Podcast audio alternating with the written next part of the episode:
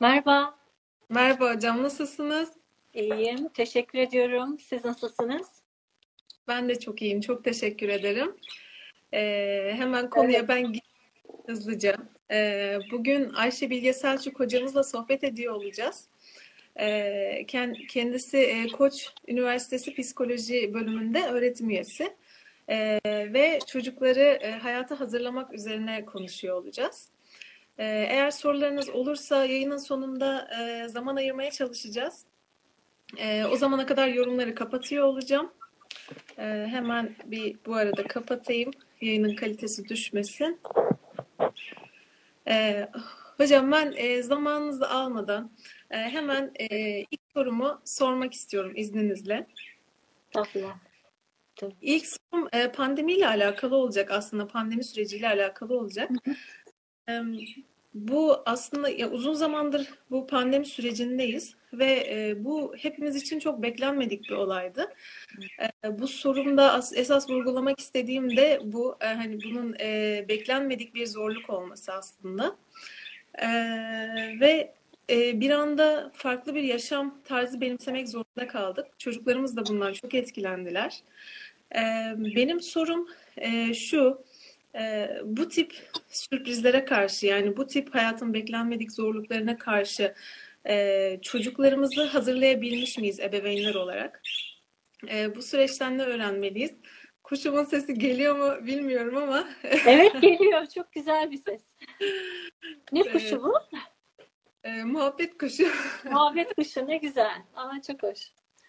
Umarım Evet. rahatsız etmiyordur. E, Ya beni hiç etmiyor. E, tekrardan toparlayayım. Yani ebeveynler olarak aslında çocukları e, hayata hazırlayabilmiş miyiz? E, bu pandemiden e, neler e, çıkartabiliriz konumuz bağlamında?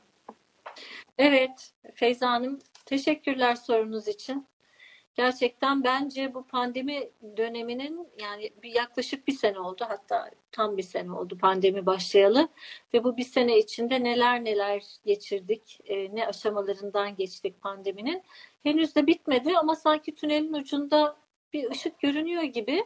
E, en azından aşı bulundu, aşılanmaya başlandı ve işte ilaçlar daha efektif, daha etkili e, hale geldi. O bakımdan belki bir miktar bir kolaylaşmadan söz etmek mümkün ama e, şimdi siz de takdir edersiniz insan e, bir şeyle uğraşırken yani canıyla uğraşırken, hayatta kalmayla uğraşırken e, ona konsantre oluyor. Ve o dönem bittikten sonra aslında yani o e, baş etmesi gereken zorluk her neyse e, çok güzel geliyor sesi. O, ondan sonra psikolojik etkiler de kendini bırakabiliyor, ortaya çıkarabiliyor. Ee, Şimdi elbette demek istemiyorum ki şu anda psikolojik zorluklar yaşamıyoruz, psikolojik güçlükler yaşamıyoruz demiyorum. Elbette yaş- yaşıyoruz. Hocam, Çok özür diliyorum. Rica ediyorum. Odasını değiştireyim. Siz devam edin lütfen. Ben hemen geliyorum. Tamam ben devam edeyim. Al- Alışkınım ders, ders anlatmaktan zaten. Evet öyle onu demek istemiyorum ama e, şunu şunu demeye e, çalışıyordum aslında. Pandemi belki fiziksel olarak da aşağı yukarı tamamlandıktan sonra ya da en azından tehlikeli kısmı atlatıldıktan, geçirildikten sonra da e, psikolojik bakımdan etkilerini hala görmeye devam edeceğiz. Farklı şekillerde göreceğiz. Bu e, yani tekrar bir arada olmak, tekrar birbirimize dokunarak e, ilişkilerimizi eski bildiğimiz şekliyle devam ettirmeye çalışırken e, belki güçlükler yaşayacağız. Bazılarımız çok daha hızlı adapte olacak, bazılarımız daha yavaş adapte olacak ama öyle bir süreçten geçeceğiz. Bir de biz ne yaşadık? Biz ne yaşadık sorusu yani bu sarsılmayı tekrar belki zaman zaman gözden geçiriyor olacağız. Onun için şu ana kadar bildiğimizden çok daha farklı bir şey e, geçiriyoruz. Bir tehdit, büyük bir tehlike. Elbette ki insan zihni e, buna göre stratejiler geliştirir. Bunu belki sık sık duymuştur bizi dinleyenler. E, Ya işte bir tehdit algıladığı zaman, bir tehlike algıladığı zaman e, ya at, ataklaşır yani saldırır, ya geri çekilir ya da donar kalır. Yani sistem böyle çalışır. E, fakat burada tabii daha farklı olan şey Feyza Hanım, görünmeyen bir şeyle karşı karşıyayız. Yani tehlikeyi görmüyoruz. Nerede olduğunu bilmiyoruz, nereden geldiğini bilmiyoruz.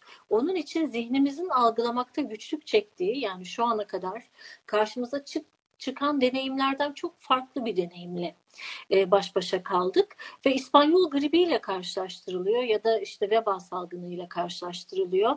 İnsanlık bunu daha önce de yaşadı deniyor ama ben buna da katılmayacağım. Evet insan bunu yaşamış olabilir fakat o zaman iletişim ağları bu kadar kuvvetli değildi yani veba salgını bittikten ne kadar zaman sonra?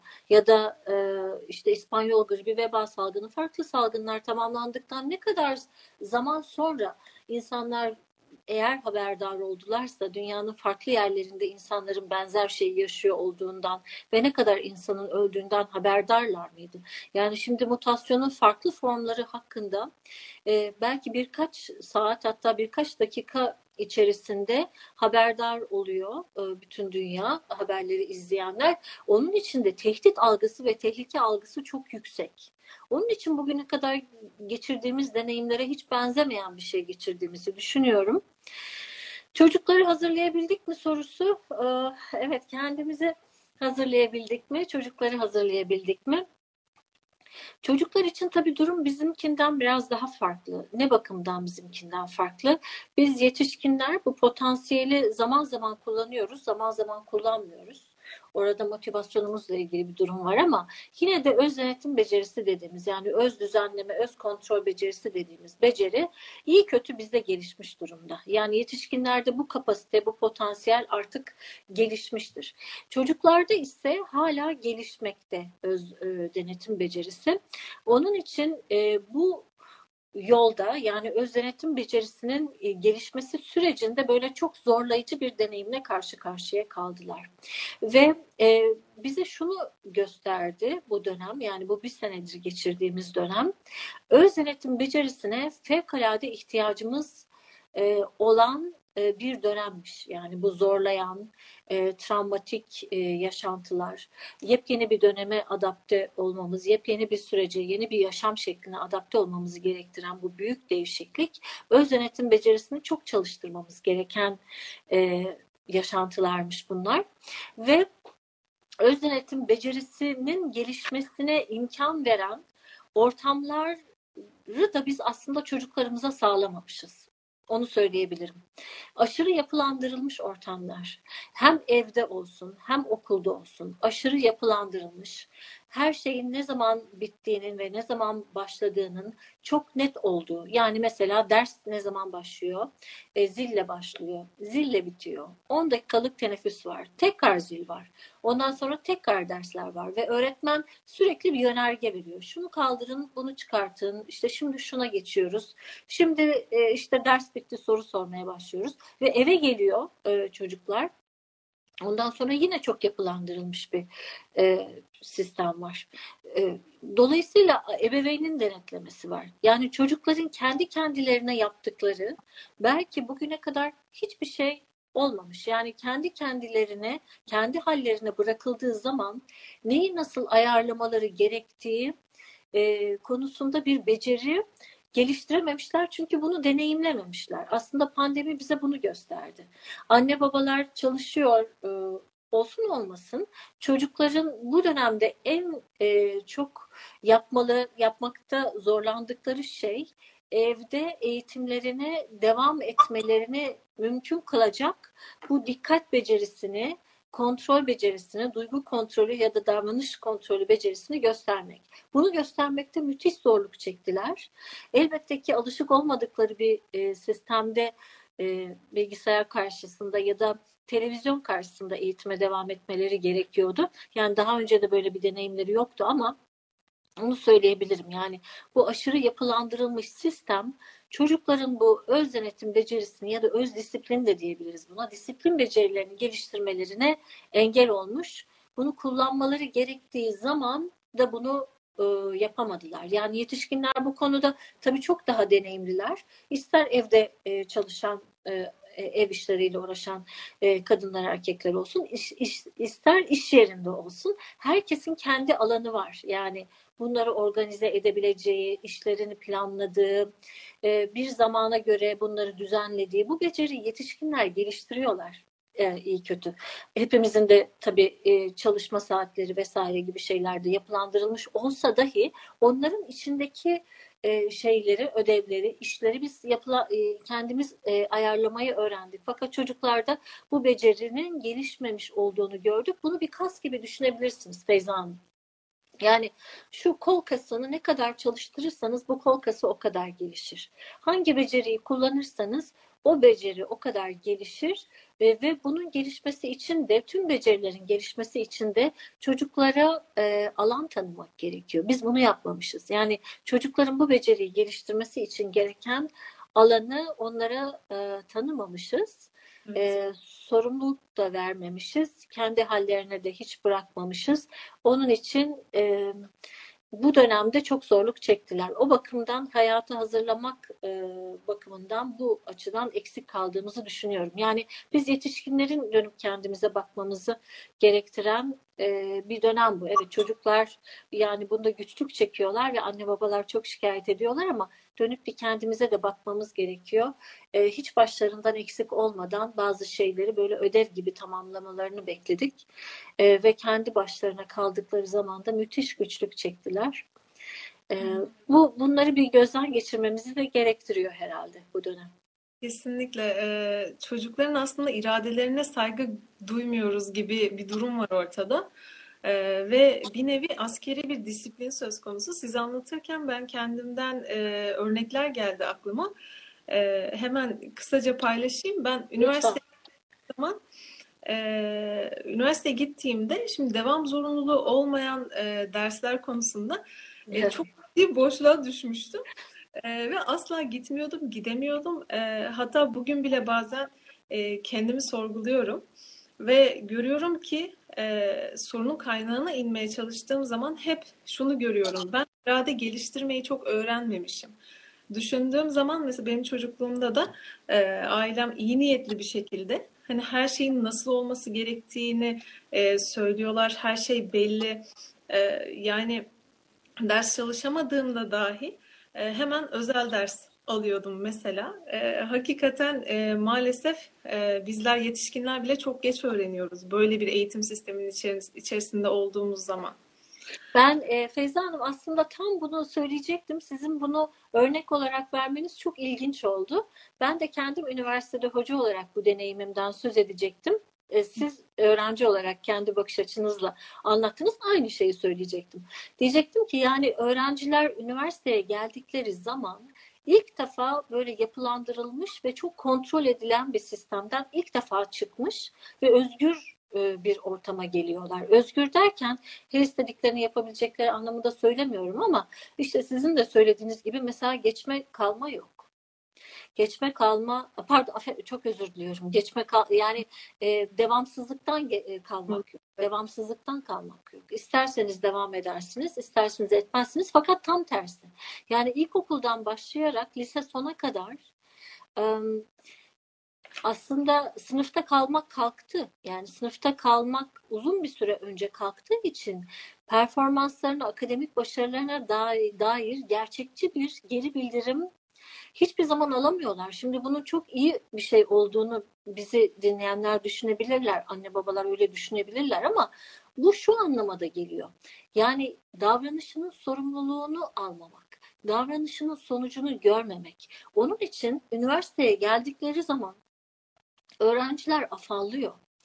Ee, ve e, işte aslında bir programda yakınlarda bunu anlatmıştım. Üniversite öğrencilerinde e, bu sadece benim çalıştığım üniversite, Koç Üniversitesi için geçerli değil ama üniversitelerin rehberlik birimlerinin koordineli olduğu yani birbiriyle bağlantılı olduğu bir rehberlik platformu bir, bir rehberlik platformu vardır.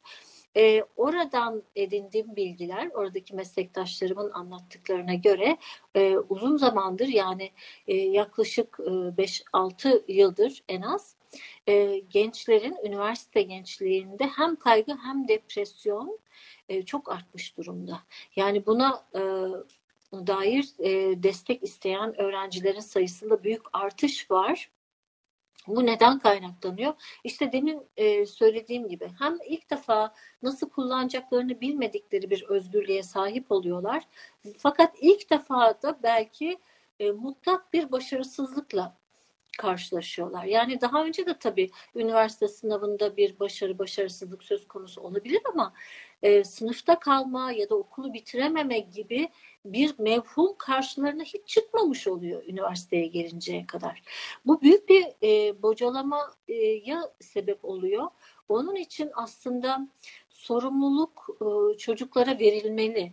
Yani bunu söylediğim zaman sanki çok Amerikan vari bunu daha önce bir okulun seminerinde söylemiştim. Sanki çok Amerikan vari ya da Avrupa'yı bir şeyden söz ediyorum e, gibi geliyor kulağa belki böyle duyuluyor.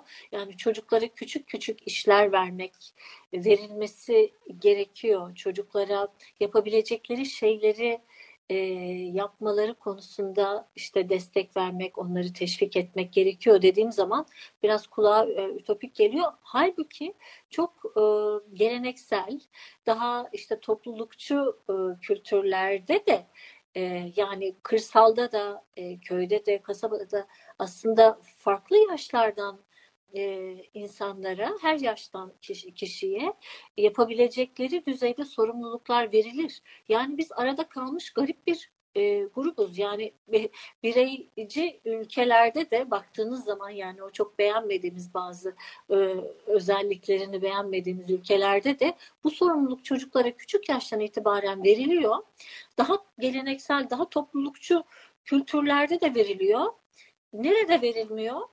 e, bizde verilmiyor. Yani bu ikisi arasına e, sıkışıp kalmış henüz hangi değerleri benimseyeceğini ve neden benimseyeceğini tam kestiremeyen e, toplumlarda anne babalar tam emin değiller. Yani çocuklarının kendileri gibi olmasını istiyorlar bir anlamda sorduğunuz zaman e, değerlerine e, baktığınız zaman evet kendisi gibi olsun, kendini gerçekleştirsin, ayakları üzerinde dursun. Ama bunu e, mümkün kılacak hiçbir beceriyi çocuklarında geliştirmiyorlar. Evet hocam tam e, bu konuda ben şey sormak istiyorum. İzleyenler açısından e, belki daha net anlaşılabilmesi için birkaç örnekle e, anlatabilir misiniz? Mesela bir çocuğun iradesinin gelişebilmesi için, e, sağlıklı bir şekilde gelişebilmesi için e, ebeveynler neler yapabilirler? Evet, e, iradesinin gelişebilmesi için e, derken e, İngilizce'de self direction dediğimiz bir kavram vardır. Yani kendine yönelim diye biz bunu e, çeviriyoruz. Kendine yönelim de şudur e, Feyza Hanım. Çocuğun muhakeme yapabilme becerisi. Yani çocuk neyin e, doğru, neyin yanlış olduğunu sebepleriyle e, bilir. Yani anne baba bir kuralı e, ya da bir davranışı çocuğa öğretmeye çalışırken, bir beceriyi çocuğa öğretmeye çalışırken bunun sebebini sonucunu e, açıklar. Çocuğun bağlantı kurmasını e, sağlar. Böylelikle çocuk bu muhakeme becerisini geliştirir. Ve e, yarın bir gün, e, ertesi gün e, bunu sorgulamaya da başlayabilir. Yani o açıklama ona uygun gelmediği zaman ya da kendi yaşamak istediği e, hayat biçimi e, daha farklılaştığı zaman aynı muhakeme yöntemini kullanarak ne kendisine uygun ne kendisine uygun değil bunu ayrıştırmaya başlayabilir. Bunun tam tersi olan ebeveynlik otoriter ebeveynliktir. Yani çocuğa bir şeyi tek bir e, doğruyu empoze eden, tek bir e, doğruyu empoze eden ve bunu sorgulamasına e, imkan tanımayan, izin vermeyen ebeveynlik otoriter ebeveynlik oluyor. O zaman çocuk bırakın neyi neden yapması gerektiğini bilmeyi aslında kendisi ne istediğini dahi bilemez hale geliyor. Yani bugün anne babalar biraz şikayet ediyorlar bazen. Benim böyle deneyimlerim var, gözlemlerim var.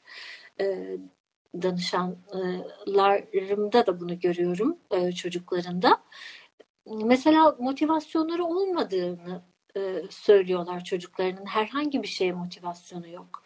Derslere motivasyonu yok, okula motivasyonu yok, e, geleceğe dair herhangi bir motivasyonu yok. E, bunun altında yatan sebep çocuk hep aslında en başında da söylediğim şey. Hep kendisine söyleneni yapmayı öğrenmiş.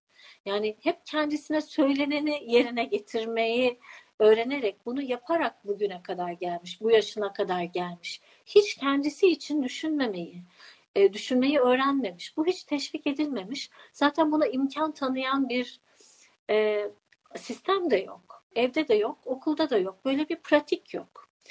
E, bu sebeple aslında yani çocukları da çok suçlayamayız. Demin söylediğim gibi bu becerilerin gelişebilmesi ancak deneyimle oluyor. Öte taraftan psikolojik sağlamlık diye bir kavram vardır. İngilizcesini de resilience diye belki duymuşsunuzdur. Resilience diye de Türkçe'ye çevriliyor ama ben onu e, tabii rezilyans hiçbir şey anlam ifade etmiyor. Yani e, ne dediğini anlayamıyoruz. Onun için psikolojik sağlamlık, dayanıklılık, dirençlilik diye de çeviriyoruz. Psikolojik sağlamlık çok önemli. Ve bu psikolojik sağlamlık aslında bugün yani bu pandemi döneminde de pandemi dönemi bittikten sonra da sağlıklı kalabilmemizi, psikolojik olarak sağlıklı kalabilmemizi sağlayacak olan temel beceri, temel özellik. E, bunu anlatırken de e, psikolojik sağlamlık kavramını anlatırken de esneklikten söz ediyoruz. Yani es, ne kadar esnek olursak aslında psikolojik sağlamlığımız e, o kadar yüksek demektir e, diye anlatıyoruz. Burada biraz e, ters geliyor. Yani e, çok anlaşılmayabiliyor. Nasıl bir şey çok esnekse dayan, daha dayanıklı olur. Çünkü bizim sağlam diye bildiğimiz şey işte bir ağaç kütüğü düşünün ya da başka bir şey düşünün. Ne kadar katıysa e, o kadar sağlamdır diye düşünüyoruz ama bizim kullandığımız metafor bir bambu e, metaforudur. Yani bambuyu düşündüğünüz zaman e, kıvrılabilen bir e, kıvrılabilen bir e, yapıya sahiptir bambu. Şu, şu demin şuraya şeye baktım. Kızımın kalemliği vardı masada. E, kalemlerine baktım şunu buldum. Yani bunun gibi bir şeydir bambu. Kıvrılabilir. Bu Charles Darwin'in aslında e, anlattığı bir şeydir. Der ki Darwin, en fiziksel olarak güçlü olan değil, en zeki olan da değil ama adaptasyon gücü en yüksek olan hayatta kalır der.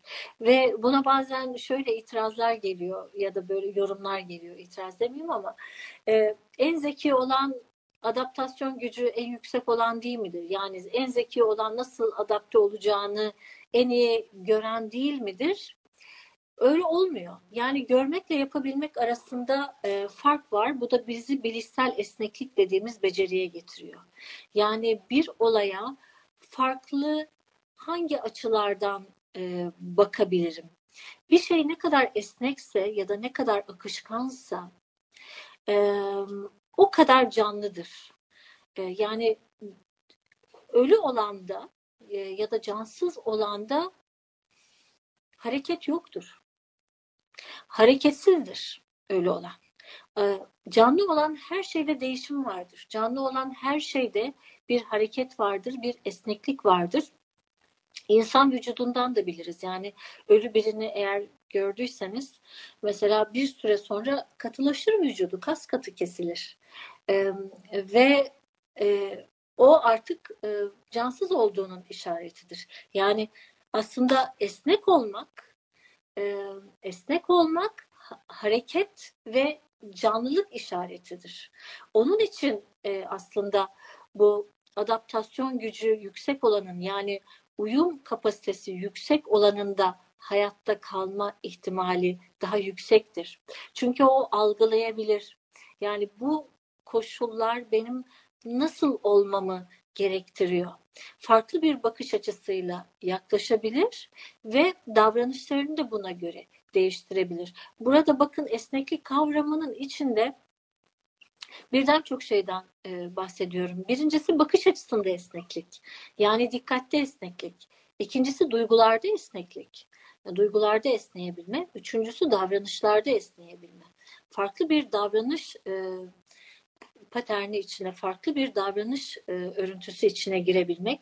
E, bu o güne kadar doğru olarak bildiği şeyleri gözden geçirip ne gerekiyorsa, farklı bir şey gerekiyorsa farklı bir şeyi yapabilmek. İşte bu e, obsesif bir zihnin yani saplantılı bir zihnin tam tersidir.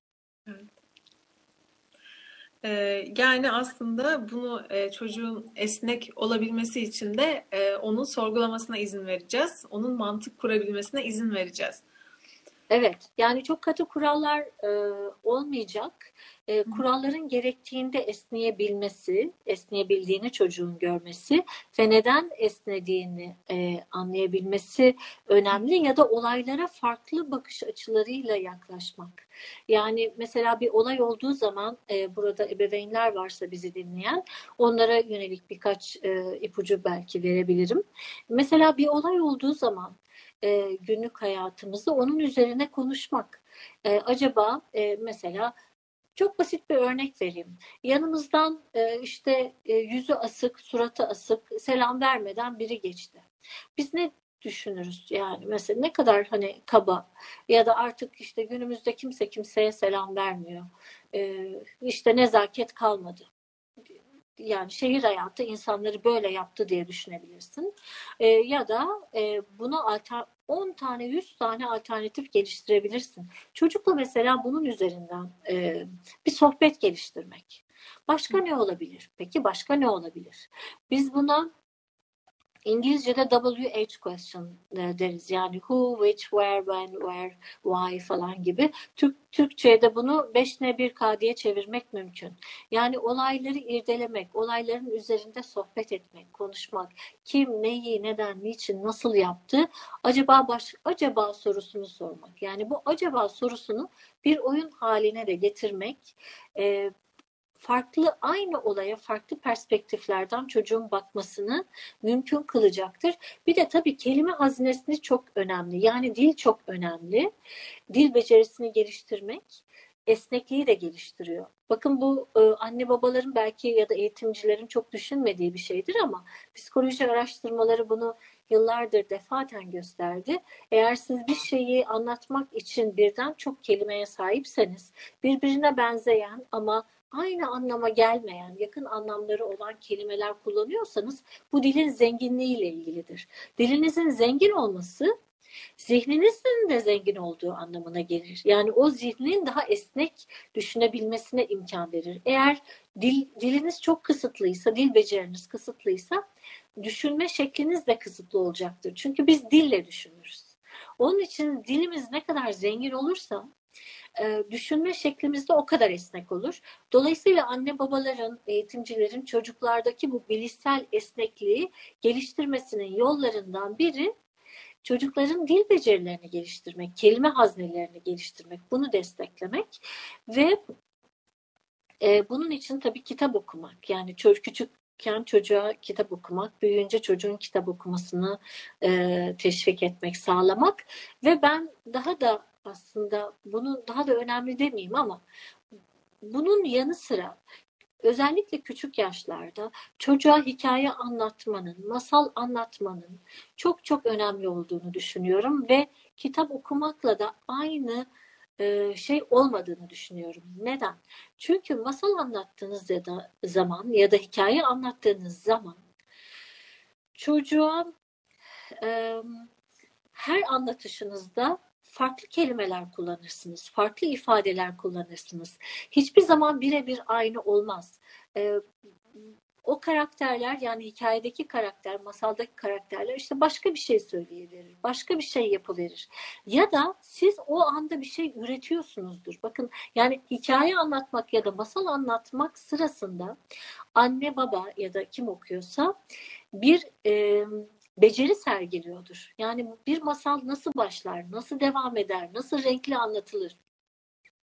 Bir, bir kurgu vardır ve e, bu aslında çocuğa bir örnek teşkil eder. Yani dili kullanarak bir şey nasıl oluşturulur? Bir şey nasıl anlatılır? Ve farklı mesela nasıl sonuçlanabilir bir masal? Bir de işte e, Binbir Gece masalları burada arkamda duruyor iki cilt. Yani Binbir Gece masallarında da hep e, yarım e, bırakı, bırakır değil mi Şehrazat masalı? Ertesi gün ne olacağını e, bilmez okuyucu. E, bunu yapmak da çok e, çocukların bilişsel esnekliğini geliştirir. Anne babalara tavsiye edebileceğim şeylerden biri de budur. Yani hem çocuğun merakını canlı tutarsınız hem de e, çocuk mesela nasıl olacak, bu hikaye nasıl devam edecek diye düşünür. E, fakat mesela ertesi gün anne ya da baba o hikayeyi bambaşka bir şekilde devam ettirir. Bu da çocuğun farklı alternatiflerin mümkün olduğunu düşünmesine imkan tanır. Yani bilişsel esneklik böyle gelişir aslında Feyza Hanım. Ee, bunun için böyle egzersizler, çok yapılandırılmış egzersizler, çocuklarda bilişsel esnekliği nasıl geliştireceğiz diye bazen soruyor anne babalar. Bu şekilde gelişir. Aslında eskiden bunlar vardı. Yani biz doğal hayatı çok kaybetmeseydik, her şeyi fazla yapılandırılmış hale getirmeseydik, bunlar zaten e, günlük hayatın içinde çocuklar büyütülürken e, evet. anneannelerin, babaannelerin, dedelerin, annelerin, babaların zaten yaptıkları şeylerdi. Evet, burada e, yani dil becerisinin e, esnekliği artırmasını vurgulamanız e, çok hoşuma gitti. Aslında burada kilit kelimelerden birisi dediğiniz gibi sohbet. Yani e, en nihayetinde mesela masal anlatırken de o çocukla bir sohbet haline geçmek. E, evet. Maalesef toplumumuzda farklı kişilerden e, şu cümleleri duyduğumu çok net hatırlıyorum. E, ya o çocuk hani ne konuşacaksın ki? Yani çocukla ne konuşulur? Evet. Bunları evet. hakikaten duyuyoruz gündelik hayatımızda. E, ama aslında ne kadar önemli yani o çocuğun orada var olduğunu hissedebilmesi ve beyninin gelişimi için, karakterinin gelişimi için e, dediğiniz gibi çok önemli. Bunu vurguladığımıza çok sevindim yani o yüzden. Tabii tabii. Yani şöyle düşünün mesela ya bir dilini bilmediğiniz bir ülkeye gittiniz. E, İngilizce konuşmaya çalışıyorsunuz. Karşınızdaki de biraz İngilizce biliyor belki. Kelimeyi bilmiyorsanız kendinize anlatamıyorsunuz. Yani bir kelime yoksa ifade yok. E, ve dolayısıyla işte orada e, iletişim mümkün olmuyor. Anlamak mümkün değil, ifade etmek mümkün değil. Bu perspektif alımı diye anlattığım e, beceri demin yani farklı bakış açılarından bakabilme dil de, de mümkün. Yani bunlar birbiriyle çok iç içe geçmiş e, beceriler. Onun için aslında dil gelişimini desteklerken anne babalar bir yandan e, farklı düşünebilmeyi, farklı ifade edebilmeyi, e, de desteklemiş e, oluyorlar. Yani bu çok önemli. Evet, teşekkür ederim hocam. Ee, biraz mizaç konusuna girebiliriz diye düşünüyorum. Ee, yani bu bağlamda her çocuğun ihtiyacı aynı mıdır? Her çocuğa aynı mı yaklaşmak gerekir? Ee, bu konuda ne söyleyebiliriz? Çocukların mizaçları hakkında. Ee, evet Feyza Hanım şimdi mizaç tabii e, her yerde var. Yani her şeyde var. Önce dünyayı algılayışımızda var. Bunu ben hep söylüyorum. Pandemiyi hepimiz aynı şekilde yaşamıyoruz. Elbette ki e, hem sağlık olarak, fiziksel sağlık olarak e, hem de ekonomik olarak farklı şekillerde etkiledi, farklı şekillerde vurdu herkese ama aynı şekilde etkilediğini varsaysak bile her canlının kendine ait özellikleri var ve herkes bunu farklı şekilde algılıyor. Yani çok mesela en basitinden bunu hayatımızdan biliriz. Televizyon izlerken, bir film izlerken herkes gayet rahatlıkla izlerken orada mesela bir çocuk bir şeyden çok korkabilir. Siz onu fark etmemişsinizdir dahi. Yani orada televizyonda bir, bir şey vardır, bir figür vardır ya da biri bir şey demiştir ya da günlük hayatta ev içerisinde anne baba ya da işte aile bireyleri sohbet ederken çocuk bir şey duymuştur mesela çok korkmuştur. Tamamen algı. Yani bir şeyi nasıl algıladığınız o şeyden nasıl etkilendiğinizi, ne kadar etkilendiğinizi belirler. Şimdi bu dönemde e, öz denetim becerisi, öz düzenleme becerisi de en başta söylediğim gibi henüz daha olgunlaşmadığı için, daha olgunlaşma yolunda olduğu için aslında e, bu korkulu mizacı olan çocuklar ya da daha kaygılı olan çocuklar e, diğer çocuklara göre çok daha etkilendiler. Bu elbette yetişkinler için de geçerli. Yani yetişkinlerin de hem mizacı hem kişilikleri hem geçmişleri yani geçmişlerinde bir travma varsa e, e, fiziksel hastalıklara ya da ölüme dair ya da ağır e, kayıplara dair böyle deneyimleri varsa bu dönemde onların da etkilenmiş olma ihtimali daha yüksek. Ama çocuklarda bu beceri de henüz gelişmedi. Bu tamamen beyin gelişimiyle ilgili bir şey. Onun için e, mizaç e, gerçekten çok önemli. e, bu dönemde çocukların neyi nasıl yaşadıklarını anlamak bakımından önemli. Neden önemli? Çünkü bazı e, bazı şeyler yani mesela okulların kapanması, tekrar açılması, çocukları okula göndermek, göndermemek gibi kararlar alınırken bunlar çok standart şekilde yapılıyor.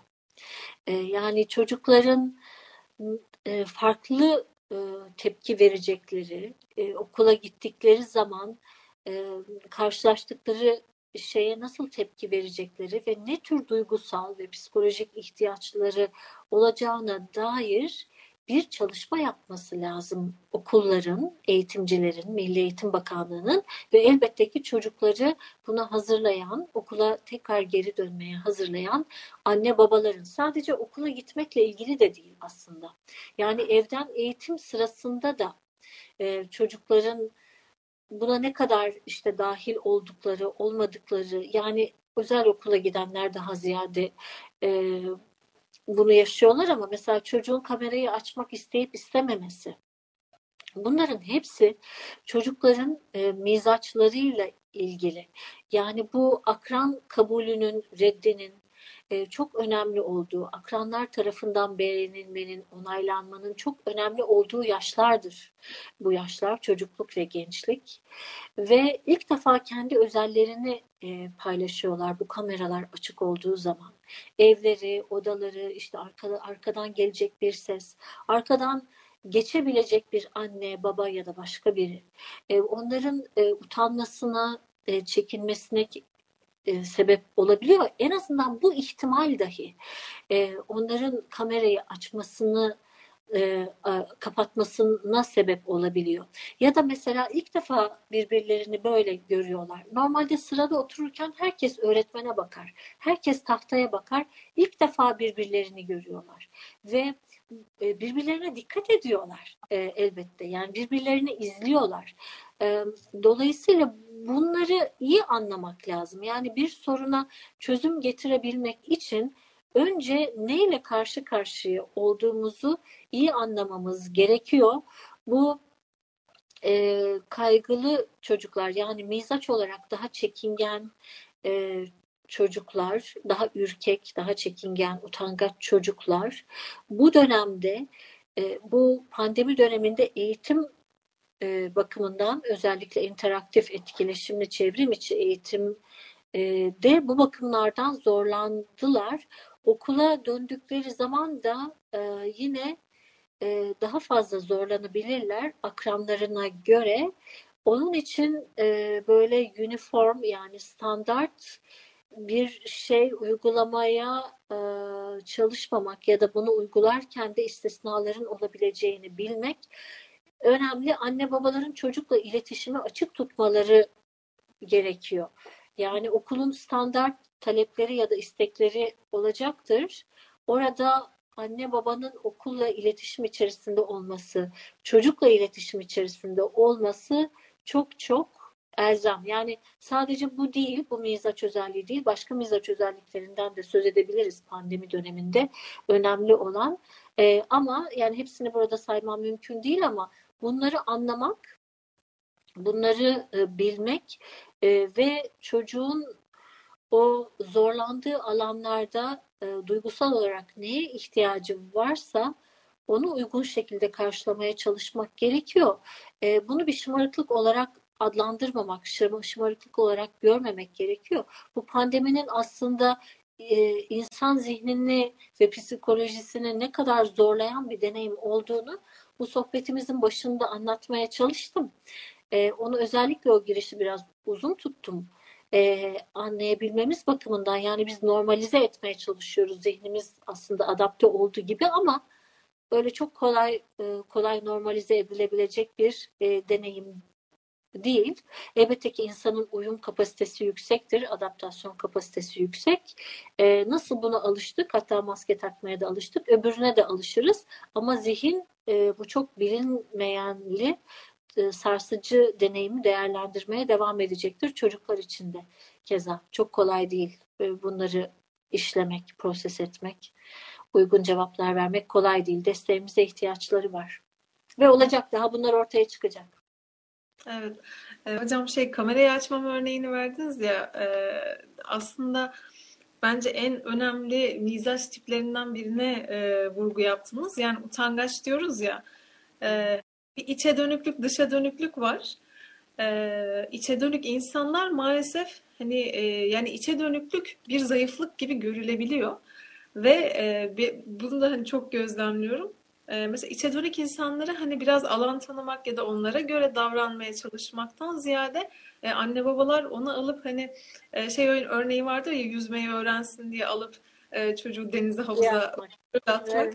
E, tam olarak aslında duygusal olarak da bunu yapabiliyorlar maalesef.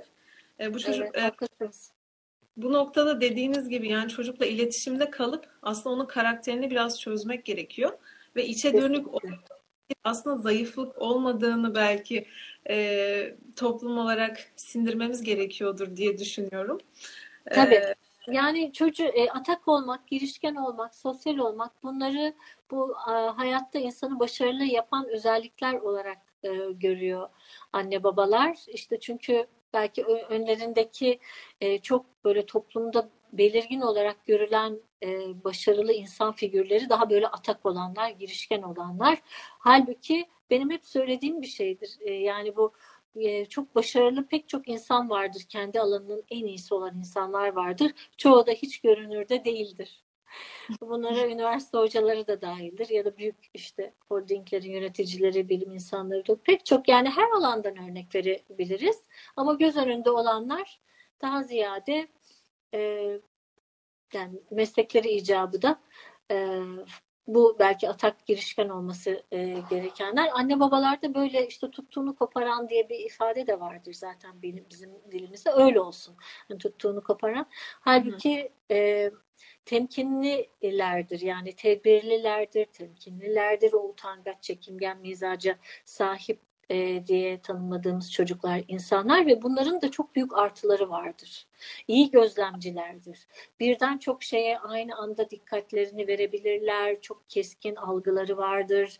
Daha sağduyulu davranırlar. E, yani o riskli davranışlara daha az e, girerler. Dolayısıyla pek çok e, pek çok artısı da vardır. E, daha az e, girişken olmanın.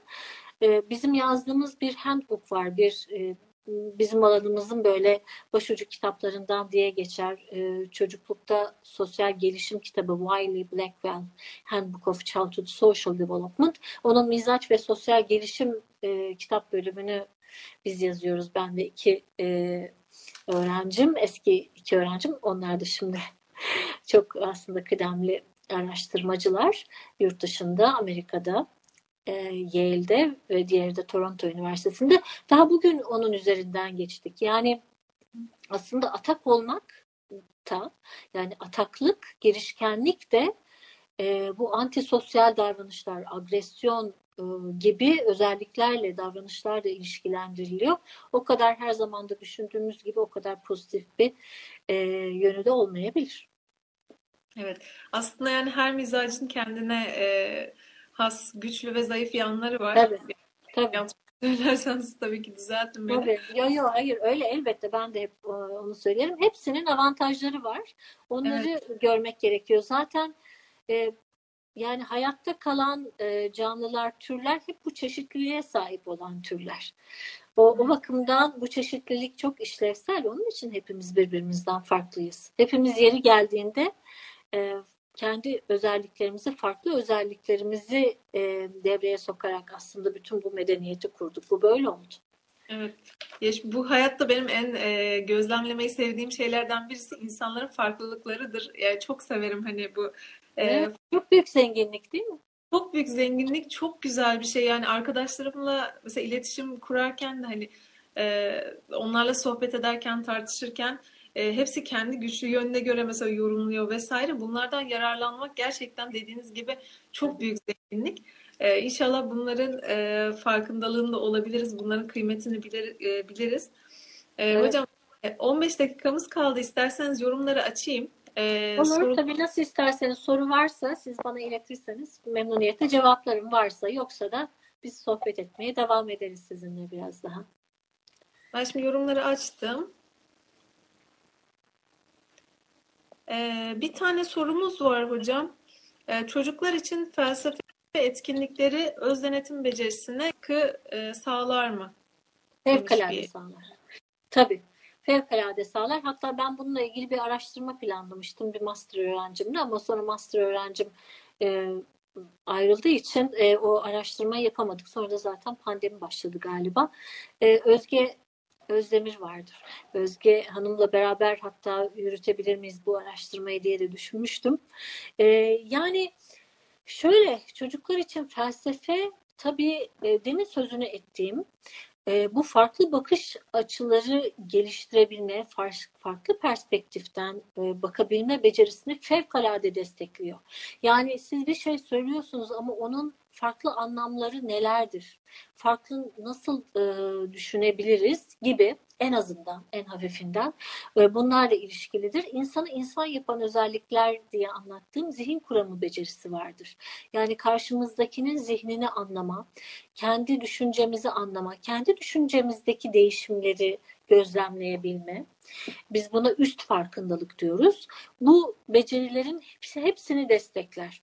Ee, çocuklar için felsefe onun için e, çok temeldir. E, dediğim gibi ben böyle bir araştırma yapmayı da bilimsel çalışma yapmayı da planlamıştım ama mümkün olmadı. Belki bizi dinleyen psikoloji öğrencileri de varsa aramızda onlar için de bir araştırma fikri de önermiş olayım. E, ya da anne babalar varsa bu bilişsel esneklik becerisi diye demin anlattığım beceriyi de çocuklar için felsefe fevkalade destekler. Ben e, mesela çocukta obsesyon varsa bu saplantılı düşünme e, işte çok alınganlık da buna e, eşlik edebiliyor ya da duygu kontrolünde güçlükler varsa o da genellikle alınganlıktan da kaynaklanabilir ya da sabit fikirli olmaktan kaynaklanıyor. Yani olaya başka bir türlü yaklaşabilsen aslında farklı bir şekilde görebilsen o duyguların biraz e, hafifleyecek yani onları ayarlayabileceksin. O anne babalara da hep aslında şeyi tavsiye ederim. E, bu eğitimleri tavsiye ederim. Özge Özdemir'in e, yürüttüğü e, çalışmalar var. Belki başka çocuklar için felsefe atölyeleri de vardır. Ben hepsini tabii e, bilmiyorum, bilmem mümkün değil. Ama bunlar çok önemli. Keşke okulların bir parçası olsa. Ama orada küçük küçük gruplarla galiba e, yapılıyor. Boğaziçi Üniversitesi'nin Mezunlar Derneği'nde bu tür kurslar var çocuklar için. Farklı yaş gruplarından çocuklar için bu tür etkinlikler, kurslar var. Bunlar çocuklarda bilişsel esneklik becerisini fevkalade destek, destekler. Aslında şöyle de bu bağlantıyı aslında hep ima ediyorum ama açık açık söylemedim. Bunu da açıkça söyleyeyim. Mesela e, depresyon. Depresyon neden olur? Öğrenilmiş çaresizlik. Yani olaya başka bir türlü bakamadığın için artık. Ya da anksiyete, yüksek kaygı bozukluğu neden kaynaklanır? E, bundan kaynaklanır. Yani farklı bir şekilde bakabiliyor olsan ya da elindeki duruma farklı şekilde yaklaşıp farklı baş etme stratejileri, davranışları e, geliştirebiliyor, bunların üzerinde düşünebiliyor olsan aslında kaygın azal, azalacak. Ama obsesyon nedir? Saplantılı düşünce. Hep aynı şeyi düşün, hep aynı şeyi düşünme. Esneklik yoktur orada. Onun için aslında bu bilişsel esneklik becerisi kaygıyı da azaltır, depresyonu da azaltır. Her yaştan insan için geçerlidir bu. Ee, onun için e, bu hem felsefe eğitimi hem e, çocuklar için felsefe çok yararlı. Yani düşünme eğitimi aslında bir anlamda zihnimizi eğitiyoruz. Yani zihin e, eğitiliyor. Ben bunların fevkalade yararlı olduğunu düşünüyorum. Çok teşekkür ederiz hocam. Ee, birkaç farklı soru e, pandemi süreciyle alakalıydı. E, ve olarak çocukların ve ergenlerin motivasyonlarını nasıl yüksek tutarız e, diye soruyorlar veya nasıl e, odaklanmalarını sağlarız e, gibi sorular soruyorlar. E, bunlara Evet. belki verebiliriz. Daha huzurlu, daha mutlu nasıl olabilirler? E, belki Bunlar- bunlar Evet. Bunlar büyük büyük sorular. Ee, çok büyük sorular. Motivasyonun e, çocuğu tanımayı gerektirir. Yani çocuğun o güne kadar kendine e, has, kendine ait bir kişisel tarihçesi vardır. Yani e, anne babanın tutumları önemlidir. E, okulda öğretmenle olan ilişkisi, okulla olan ilişkisi çocuğun e, önemlidir. E, bir motivasyon kaybı varsa bu döneme ait bir özellik midir? Yani bu dönem başlayan e, bu döneme ait bir özellik midir? Yoksa okulda yani pandemiden önce de bu motivasyon eksikliği var mıydı? E, bunlar e, önemli. Yani bu dönemde, bu pandemi döneminde çocuklarda genel olarak bir motivasyon e, kaybı var. Onu söyleyebiliriz. Ama onun e, dışında da yani bu soruları cevaplandırabilmek için iletişimi açık tutmak gerekiyor. Önce onu söyleyeyim. E, ve çocuklarda bu motivasyon kaybına bazen gerçekten e, yüksek kaygı eşlik ediyor. Bazen depresyon eşlik ediyor ve bazen anne babaların böyle görmelerini de e, sağlık vereceğim. Bir şeyle hiç ilgilenmiyormuş gibi görünmek, bir şeyi hiç umursamıyormuş gibi görünmek aslında o alanda başarısız olmaktan korktuğunun bir ifadesi de olabilir. Yani e, o da kaygı yaratıcı bir alandır çocuk için. E, ciddi güçlükleri vardır. E, konsantre olmakta, mesela bilgisayardan ya da televizyondan ders dinlemekte e, ve yapabileceğine dair inancını kaybetmiştir. Ve bu kendini umursamazlık olarak gösterir, böyle tezahür eder. Ve e, demin söylediğim o en başta söylediğim de bir şey vardı hatırlarsanız. Çocuklarda dedim onay, sosyal onay, birbirleri tarafından beğenilme çok önemlidir. Artık öyle bir yaş gelir ki okullaşmayla beraber anne babanın beğenisini kazanmak ikinci planda kalır. Çocuk için artık önemli olan ya da genç için artık önemli olan anne babanın beğenisini kazanmaktan ziyade arkadaşlarının beğenisini kazanmaktır. Onun için de akran kültürü dediğimiz bir şey vardır. Yani bu akran kültüründe hangi davranış daha cool ise, cool ise yani hangisi daha kabul görüyorsa, çocuğu daha beğenilir kılıyorsa çocuk onu yapar. Yani arkadaşları ekran, e, kamerayı açmıyorsa e, onun kamerayı açması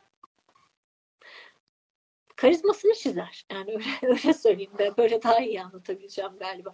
Yani arkadaşları arasında daha az beğenilen bir özellik gösteriyor olmasına sebep olur. Bunları anlamak lazım. Yani çocuk neyi neden yapıyoru anlamak lazım. Bu yeni başlayan bir davranış mıdır? Yoksa okuldan önce de bu motivasyon kaybı var mıydı? Ee, işte dediğim gibi her case, her aile ayrı bir kendine has bir tarihçeye sahip. Bunları iyi bilmek gerekiyor. Çocuklar bazen çok iyi baş ediyormuş gibi görünüyorlar ama aslında e, çok büyük güçlük e, yaşıyorlar. Mesela ailede koronavirüse yakalanmış birilerinin olması, kayıplar olması ya da en azından çocuğun annenin ya da babanın korona geçirmiş olmasından duyduğu müthiş endişe bile mesela e, işte yani çocuğun baş etmesine engel olmamış olabilir ama çocuğun diğer şeyleri yani çok enerji gerektiren, çok odaklanma gereken şeyleri ayıracak bir e, dikkat kapasitesinin, bir enerjisinin kalmadığının da bir işareti olabilir. Her durum e, farklı. Ben önce iletişim kanallarını açmayı öneriyorum. Önce iletişim kanallarını açmak ve tarafsız ve ön yargısız bir zihinle yaklaşmak gerektiğini söylemeliyim. Yani anne babalar bu varsayımlarını e, bir kenara bırakarak açık bir iletişim e, içinde olurlarsa çocuklarıyla her şeyin başı anlamak. Bir şeyi yanlış anlarsanız gerisi hep yanlış gelir zaten. Hocam tekrardan teşekkür ederim. Ee, yaklaşık 4-5 dakikamız kaldı. İsterseniz e, birkaç kişi kitap tavsiyesi istemiş e, çocuklar için, ebeveynler için yani çocuklarla ilgili ebeveynlere yönelik e, kitap tavsiyeleri yapabilirseniz e, daha sonrasında da bitirebiliriz. Ebeveynlere yönelik kitap tavsiyeleri yani benim çok beğendiğim değerli meslektaşlarımın kitapları var tabii. Yankı Yazgan'ın kitaplarını çok öneririm.